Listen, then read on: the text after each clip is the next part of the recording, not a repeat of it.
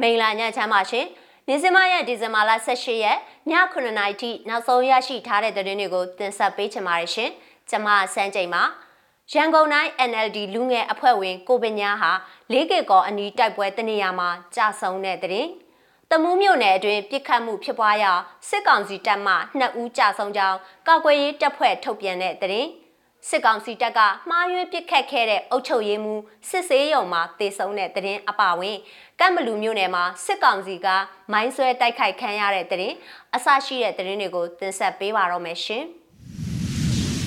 ပထမဆုံးသတင်းအနေနဲ့ရန်ကုန်တိုင်း NLD လူငယ်အဖွဲ့ဝင်ကိုပညာဟာ၄ကကော်အနီးတိုက်ပွဲတနေရာမှာကြာဆုံးတဲ့သတင်းကိုတင်ဆက်ပေးချင်ပါတယ်။ကရင်ပြည်နယ်မြဝတီခရိုင်၄ကကော်အနီး ရှေ့တန်းတိုက်ပွဲတနေရာမှာအမျိုးသားဒီမိုကရေစီအဖွဲ့ချုပ် NLD ပါတီရန်ကုန်တိုင်းလူငယ်အဖွဲ့ရဲ့လုံခြုံရေးနဲ့စီကံထိန်းသိမ်းရေးရမှုကိုဝညာဟာဒီကနေ့ဒီဇင်ဘာလ18ရက်နေ့လယ်ပိုင်းကကြာဆုံးသွားခဲ့ကြောင်းသူနဲ့နီးစပ်သူတွေကမီဇင်မာကိုအတိပြုပြောဆိုပါတယ်။ ကိုပညာဟာအမျိုးသားညီညွတ်ရေးအစိုးရ NUG ရဲ့တောင်ပိုင်းတိုင်းစစ်ဌာနချုပ်လက်အောက်ရှိတပ်ခွဲမှာ PDF တပ်သားတအူဖြစ်ပြီး 4K ကောတိုက်ပွဲမှာ KNU နဲ့အတူစစ်ကောင်စီတပ်တွေကိုပူးပေါင်းတိုက်ခိုက်နေစဉ်ရှေ့တန်းမှာကြာဆုံးခဲ့တာဖြစ်တယ်လို့သိရပါဗျ။သူကရိုးသားစူးစမ်းပြီးအလုပ်ပဲလုပ်တဲ့သူဒီမိုကရေစီအရေးနဲ့လူအခွင့်အရေးပေါ်လေးစားတန်ဖိုးထားတဲ့သူပါ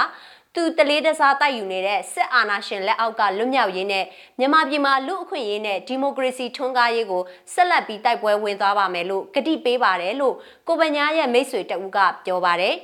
အသက်28နှစ်အရွယ်ကိုပညာဟာစစ်တပ်ကမတရားအာဏာမသိမ်းခင်အချိန်ထိဖုံးပြင်တဲ့အလုံးနဲ့အသက်မွေးပြီးတော့လက်ရှိမှာအကြမ်းဖက်စစ်ကောင်စီကိုတော်လန်တိုက်ထုတ်ဖို့လက်နက်ကင်ခုခံတော်လန်ရေးမှာပါဝင်နေသူတဦးလည်းဖြစ်ပါတယ်ရှင်။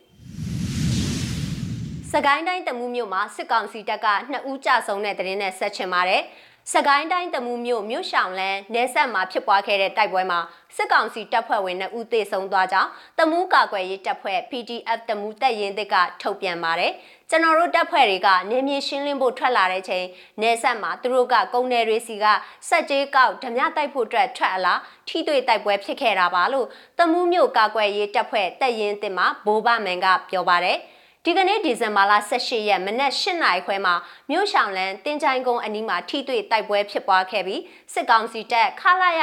266မှာတက်ကြက်တအူအပါဝင်2ဦးကြာဆုံးခဲ့ကြောင်းသူကဆိုပါတယ်။မိနစ်အနည်းငယ်ကြာအပြန်အလှန်ပစ်ခတ်ပြီးနောက်နဂါမင်းသမီးရေကန်ရဲစခန်းမှ40မှာမှစစ်တနက်တွေနဲ့ပစ်ခတ်မှုတွေရှိပေမဲ့လည်းကာကွယ်ရေးတပ်ဖွဲ့ဝင်တွေအထိခိုက်မရှိစုခွာခဲ့ကြောင်းပြောပါရယ်။ စစ်ကောင်စီတပ်ဖွဲ့ဝင်အင်အား10ရောက်မှအယောက်20ကြားဟာအိန္ဒိယမြန်မာနယ်စပ်ဝင်ပေါက်ထွက်ပေါက်တွေမှာပြည်သူတွေစီကပုံမှန်ဆက်ကြေးတောင်းယူလေးရှိကြောင်းသိရပါဗျ။ကာကွယ်ရေးတပ်ဖွဲ့တွေရဲ့နယ်မြေရှင်းလင်းမှုတွေပြုလုပ်ခဲ့တဲ့တမူးမြို့အထက်ပိုင်းကွန်တောင်းမှာလည်းဒီဇင်ဘာလ14နဲ့16ရက်တွေမှာစစ်ကောင်စီတပ်တွေမှာထိတွေ့ပစ်ခတ်မှုတွေရှိခဲ့ပေမဲ့လည်းထိခိုက်ဒဏ်ရာရရှိမှုအခြေအနေကိုမသိရကြောင်းဆိုပါရရှင်။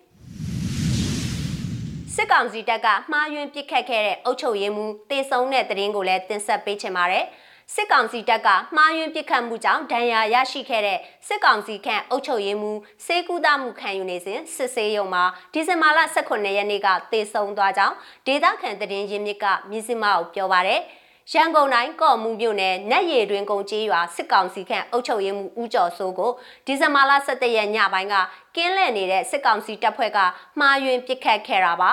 ကင်းလှည့်နေတဲ့စစ်ကောင်စီတပ်တွေမှားပစ်လိုက်တဲ့နတ်ရည်တွင်ကျေးရွာကအုပ်ချုပ်ရေးမှူးကအဲ့နေ့ကလေးကအခြေအနေမကောင်းဘူးအခုတော့စစ်ဆေးရုံမှာတည်သွားပြီးအဲ့နေ့မှာပဲတကြိုလိုက်တယ်ကြားတယ်လို့ဒေသခံတအုပ်ကပြောပါတယ်။ နက်ရည်တွင်ကျေးရွာစစ်ကောင်စီခန့်အုပ်ချုပ်ရေးမှူးဦးကျော်စိုးဟာအယိုးတောင်ရွာကအပြန်ဖယန်နီချောင်းကူတရားအနီးမှာကင်းလှည့်နေတဲ့စစ်ကောင်စီတပ်ကရှေ့မတိုးနဲ့လို့ပြောဆိုမှုကိုဘိုးလေးကိုပြောထားတယ်လို့ပြန်ပြောပြီးတော့ရှေ့တိုးလာစဉ်ပြစ်ခတ်ခံရတာဖြစ်ပါတယ်။တည်ဆုံသွားတဲ့ဦးကျော်စိုးဟာစစ်တပ်အာဏာသိမ်းပြီးနောက်နက်ရည်တွင်ကျေးရွာအုပ်ချုပ်ရေးမှူးအဖြစ်ခန့်အပ်ခံခဲ့ရပြီးရွာသူရွာသားတွေကိုနေရောညပါကင်းဆောင်ခိုင်းပြီးတော့ဖိနှိပ်မှုတွေပြုလုပ်ခဲ့ကြောင်းဒေသခံတွေစီကသိရပါတယ်ရှင်။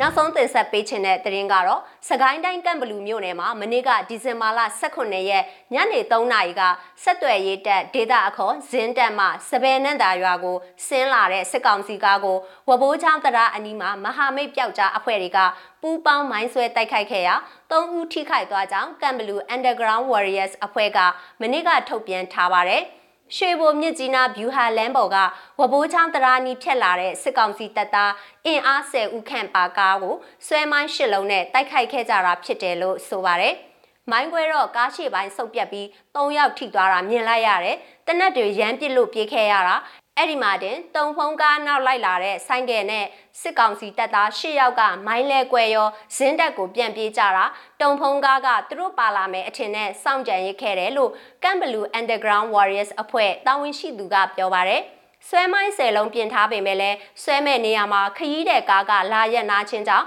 မိုင်းဆက်မဆွဲပဲထားခဲ့ရတယ်လို့သိရပါတယ်။လက်ရှိမှာစစ်ကောင်စီတပ်သား3ဦးထိထားကြောင်းကနဦးသိရှိရပြီးအသေးစိတ်ကိုတော့မသိရှိရသေးပါဘူး အဆိုပါမိုင်းဆွဲတိုက်ခိုက်တာကို KBU UG ရောင်နီပျောက်ကြားတပ်ဖွဲ့ရွှေဘိုသိန်းငှက်တပ်ဖွဲ့တို့ပူးပေါင်းလှုပ်ဆောင်ခဲ့ကြပါတယ်ရှင်။မြစမရဲ့ဒီဇင်ဘာလ18ရက်ည9:00နာရီထိနောက်ဆုံးရရှိထားတဲ့သတင်းတွေကိုတင်ဆက်ပေးခဲ့တာပါ။ကြည့်ရှုအားပေးတဲ့အတွက်ကျေးဇူးအထူးတင်ရှိပါတယ်။မြန်မာပြည်သူတွေဘေးရန်တွေအပေါင်းကကင်ဝေးကြပါစေရှင်။